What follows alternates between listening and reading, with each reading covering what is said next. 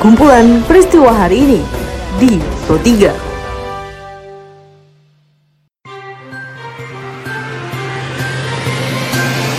Halo pendengar, selamat berjumpa kembali di podcast Pro 3 RRI. Seperti biasa, pada podcast ini saya akan mengulas isu-isu aktual yang masih hangat atau ramai diperbincangkan di sekitar kita. Tentu saja pendengar, nanti akan ada cuplikan informasi dari reporter kami.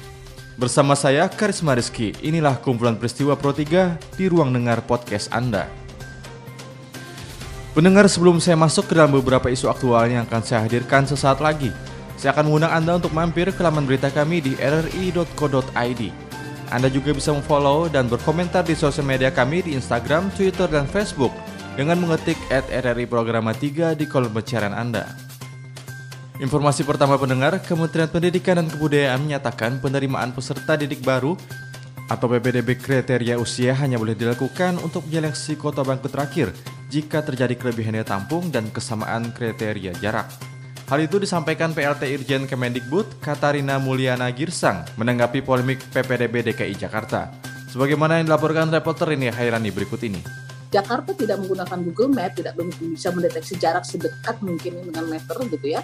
Maka hmm. kelurahan itu ditetapkan kelurahan 1 sampai dengan kelurahan 10 yang terjauh adalah kelurahan 10. Maka ini kelurahan 10 ini karena jaraknya sama kan dianggap Pak. Ya, Anak ya. yang tadi yang memperebutkan 50 bangku itu saja yang di seleksi dengan umur, bukan dari hmm. kelurahan satu. Pelarangan plastik di lingkungan pasar menuai kontra dari pedagang. Pihak pengelola menegaskan akan ada sanksi bagi pelanggaran. Manajer Area 5 PD Pasar Jaya, Yohanes Daramon Sidi, saat diwawancarai reporter Immanuel Christian, mengatakan bahwa pelarangan kantong plastik tidak semua hanya berlaku pada kantong plastik yang kerap disebut kresek. Atau tidak boleh lagi menggunakan kantong plastik seperti itu. Jadi mereka harus menyediakan kantong berbayar atau karena yang dibolehkan itu masih kantong plastik untuk wadah itu masih boleh. Plastik plastik transparan untuk wadah itu masih masih boleh. Kemudian untuk wadah makanan itu masih boleh. Jadi yang yang yang nggak boleh itu kantong kresek kalau nggak salah istilahnya kantong kreseknya warna merah warna hitam. Berdasarkan laporan dari reporter Edis Rosso, di mana Wali Kota Palangkaraya Faidit Nafarin tegaskan dirinya bersama dengan tim gugus tugas gencar lakukan patroli di kawasan zona merah.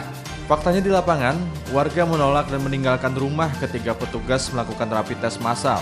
Alasannya warga tidak memiliki gejala COVID-19 fokus kita adalah bagaimana menekan sampai sembuh. Jadi kalau hijau itu kalau nol sudah.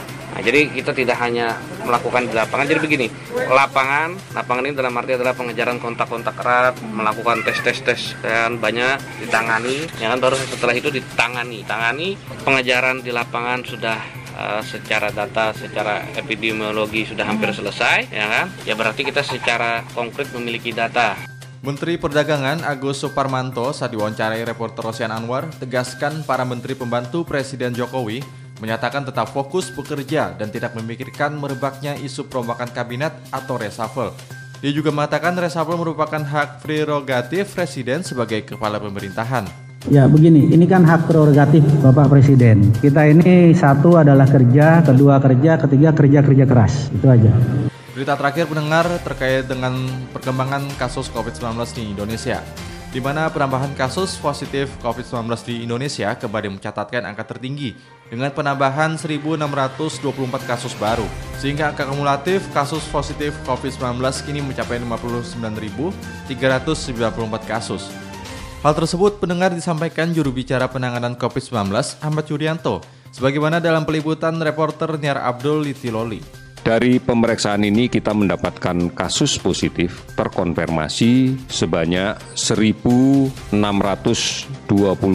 orang. Ini setelah kami lakukan analisa berdasarkan tingkat hunian rumah sakit maka kita lihat bahwa tidak ada penambahan signifikan dari penambahan jumlah hunian rumah sakit. Kita masih bisa mempertahankan tingkat hunian rata-rata nasional di kisaran 55,5 persen. Artinya baru separuh kapasitas yang digunakan. Jumlah kasus konfirmasi positif ini didapatkan dari hasil tracing yang secara agresif kita lakukan, ditambah juga dengan jumlah testing yang semakin masif kita lakukan. Dan pendengar informasi tadi mengakhiri perjumpaan kita pada podcast RC hari ini.